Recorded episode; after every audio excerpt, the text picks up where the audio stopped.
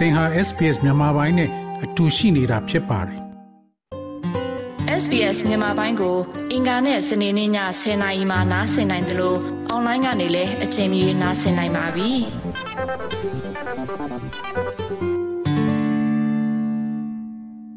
တော်ရရှိမြခင်ဗျာလေလာမှုအသစ်တစ်ခုအရ COVID-19 အပျော်စားကူးစက်မှုခံရလင်းပင် အုံနောက်ကိုတိတိသားသားပျက်စီးစေနိုင်ကြောင်း တွေးရှိခဲ့တယ်လို့ဆိုပါတယ်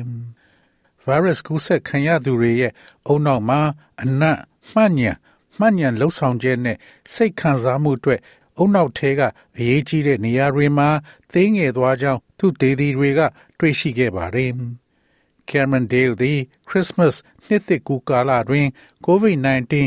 ကူးစက်ခံရပြီးခံစားမှုအများစုမှာ virus နဲ့သိကျွမ်းတဲ့လက္ခဏာများပေါ်ပေါက်ခဲ့တယ်လို့ဆိုပါတယ်။ And that, that kind of fever, sweat kind of lasted for two, three days and kind of achy, kind of um, sore throat, kind of just lethargic. ချွေထွက်တာနှစ်ရက်သုံးရက်လောက်ကြာပြီးလေချောင်းနာတာထုံထိုင်းပြီးအားရင်တွေမရှိတော့တာက ပုံမှန်လက္ခဏာတွေဖြစ်ပါတယ်ကျွန်တော်ခံစားရတဲ့ပုံမှန်လက္ခဏာတွေဖြစ်ပါတယ်သို့တော့အသက်33နှစ်ရှိပြီဖြစ်တဲ့အတွက်အာအားသင့်စေမဲ့အရာမှာနှစ်လကြော်ကြာအောင် brain fog လို့ခေါ်တဲ့အုံနောက်စိတ်ရှုပ်ထွေးခြင်းအုံနောက်စိတ်ရှုပ်ထွေးခြင်းမေးလျော့ခြင်းနဲ့အာယုံဆိုင်မှုနဲ့စိတ်ပိုင်းဆိုင်ရာခြေလင်ပြတ်သားမှုမရှိခြင်းများရှိနေခြင်းပင်ဖြစ်တယ်လို့ဆိုပါတယ် It's just like a, like a cloudiness that's like, yeah, you just find hard to kind of string a couple of thoughts together, I suppose, and like you lose track of where. သင်ရဲ့အတွေးခေါ်တွေကိုအားလုံးပေါင်းစည်းဖို့ခက်ခဲနေပြီးသင်ဘာလုပ်နေတယ်ဆိုတာကိုခြေရာခံမိသလိုခံစားရပါတယ်။ အနေငယ်နိုးကြပြီးတမန်ထက်သတိထားနေသလိုပါပဲ။ဒါကစာဖတ်ဝါသနာပါသူများအတွက်အထူးစိန်ခေါ်မှုတစ်ခုပင်ဖြစ်ပါတယ်။ I used to read a lot, and that's one thing I struggled to just pick up a book and maintain that kind of concentration to just get through a page and then a, a chapter kind of thing, and, and just general concentration with like ကျွန်တော်ကစာအုပ်တအုပ်ကိုကောက်ယူပြီးစာမျက်နှာတစ်ခုကိုဖြတ်ကျော်ပြီးအခန်းတစ်ခန်းကိုရောက်အောင်ဖတ်ဖို့ရုန်းကန်ခဲ့ရပြီးအိယာထချိန်မှာသင်ဘာလုပ်နေတယ်ဆိုတာကိုမှတ်မိသလိုပါပဲရေဘူးရအဖြစ်အာယုံစူးစိုက်မှု အခက်ခဲပင်ဖြစ်ပါတယ် Melbourne Florey Institute of Neuroscience and Mental Health မှာ Professor Ashley Bush က United Kingdom မှာအသက်တီထွင် ပြုလုပ်လေးလာမှုတစ်ခုရဲ့တွေ့ရှိချက်သည်လူအများသံသယရှိတာကိုအတီးပြုကြောင်းပြောကြားခဲ့ပါတယ်။ uh, people who had developed COVID in the period actually performed cognitively more poorly compared to people who did not have COVID. So there ကိုဗ actually စ်ကူး was စက် some ခံရပြီး impairment အ of မှန်တကယ် their ဖြစ်ပွားသူ brain များသည် function as a ကိုဗစ် result မရှိ of သူ this များထက် infection. ဉာဏ်ရည်ဉာဏ်သွေးပို၍ဉာဏ်ဖြင်းကြပါတယ် ထို့ကြောင့်ကိုဗစ်ကူးစက်မှုကြောင့်၎င်းတို့ရဲ့အုံနောက်လှုပ်ဆောင်ရတချို့ချိုးယွင်းသွားခဲ့ပါတယ်တုံနှစ်တာကာလအတွင်းလေးလာမှုတွေပါဝင်သူ985ဦးရှိခဲ့ပြီး၎င်းတို့ရဲ့အုံနောက်ကိုစစ်ဆေးတဲ့အခါထက်ဝက်ကျော်သည့်ထိုအချိန်ကကိုဗစ်ဖြစ်ခဲ့တာကို တွေ့ရှိခဲ့ရတယ်လို့ဆိုပါတယ်။ Monash တက္ကသိုလ်မှဒေါက်တာ Maheli Sachindrana က Nature Journal တွင်ထုတ်ဝေသည့်လေးလာမှုသည် Britain ရဲ့အုံနောက်ဇီဝပုံရိပ်ဖော်ခြင်းရဲ့ data အခြေခံမှအချက်လက်များကိုအမှန်တကယ်လေးလာခြင်းကြောင့်အရေးကြီးကြောင်းပြောကြားခဲ့ပါတယ်။ They seem to um, say that the areas affected uh, in terms of olfactory sensations, so that's uh, pertaining to the sense of smell. So it's obviously very well documented that most um, COVID 19 infections begin with a loss of smell, sometimes a loss of taste. And they did definitely find that the areas pertaining um, to that,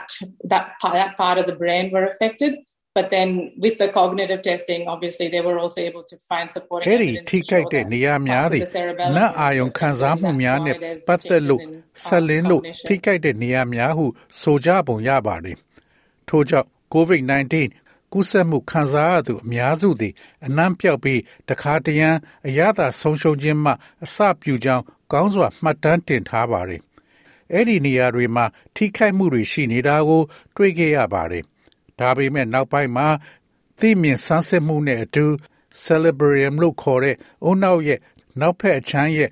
အစိတ်ပိုင်းတွေကို ထိခိုက်ကြောင်းပြသတဲ့သက်သေအထောက်အထားတွေကိုလည်းတွေ့ရှိနိုင်ခဲ့ပြီးဒါကြောင့်သိမြင်မှုဆိုင်ရာ ပြောင်းလဲမှုတွေဖြစ်လာပါတယ်။ Professor Bush ကအုံနောက်ပေါ်ကိုဗစ်သက်ရောက်မှုက အတော်လေးနည်းပေမဲ့ Alzheimer နဲ့ Parkinson လိုမျိုးအသက်ကြီးပိုင်းတွေမှာဖြစ်လေရှိတဲ့ယောဂတွေနဲ့ဆင်တူတယ်လို့ဆိုပါတယ်။ I don't, I don't want to scare people into thinking that the brain is severely damaged by, by COVID. It has an impact. Uh, the, the size of the damage was actually relatively small. But knowing that the brain has been impacted by COVID, we really are, have the responsibility now အဲ့ဒါက to see what are the မိကွန်းထုတ်เสียဖြစ်ပြီး consequences of ကြောက်เสียကောင်းတဲ့အလားအလာကမှန်သလားဆိုတာ သိနိုင်ဖို့အခုနောက်ထပ်သူသေသနာတွေလုပ်ဖို့လိုအပ်ပါတယ်။ကိုဗစ်ကြောင့်အုံနောက်ကိုစိုးစိုးဝါးဝါပျက်စီးသွားတယ်လို့လူတွေကို မတွေးစေချင်ပါဘူး။ဒါပေမဲ့ကိုဗစ်ကြောင့်အုံနောက်ချိုယွင်းသွားတာကိုသိထားဖို့ကျွန်တော်တို့မှာရေရှည်အကျိုးဆက်တွေကဘာတွေဖြစ်ပြီးဘလောက်ပြင်းထန်နိုင်လဲဆိုတာကိုသိဖို့ကတာဝန်ရှိပါတယ်။ ကမ္ဘာတဝန်းလုံးမငြိမ်မသက်ဖြစ်နေသော virus ပိုးရဲ့လှုပ်ဝက်ဆန်းကျယ်မှုများကိုဆက်လက်ရှာဖွေရန်နောက်ထပ်သုတေသနများလုပ်ဖို့လိုအပ်နေပါတယ်။တော်ရရှိမြခင်ဗျာ SBS သတင်းဌာနက Garrett Bowman ရဲ့ဆောင်းပါးကိုဘာသာပြန်တင်ဆက်ပေးထားတာဖြစ်ပါတယ်ခင်ဗျာ။ SBS မြန်မာပိုင်းကိုနားဆင်ရတာနှစ်သက်ပါတလား Facebook မှာဆွေးနွေးမှုတွေကိုဆက်ကြရအောင်ပါ SBS မြန်မာပိုင်း Facebook ကို like လုပ်ပြီးတော့သင်ချင်တဲ့ချက်ကိုမျှဝေနိုင်ပါတယ် SBS Bemis ကို Facebook မှာ share ကြည့်နိုင်ပါတယ်ရှင်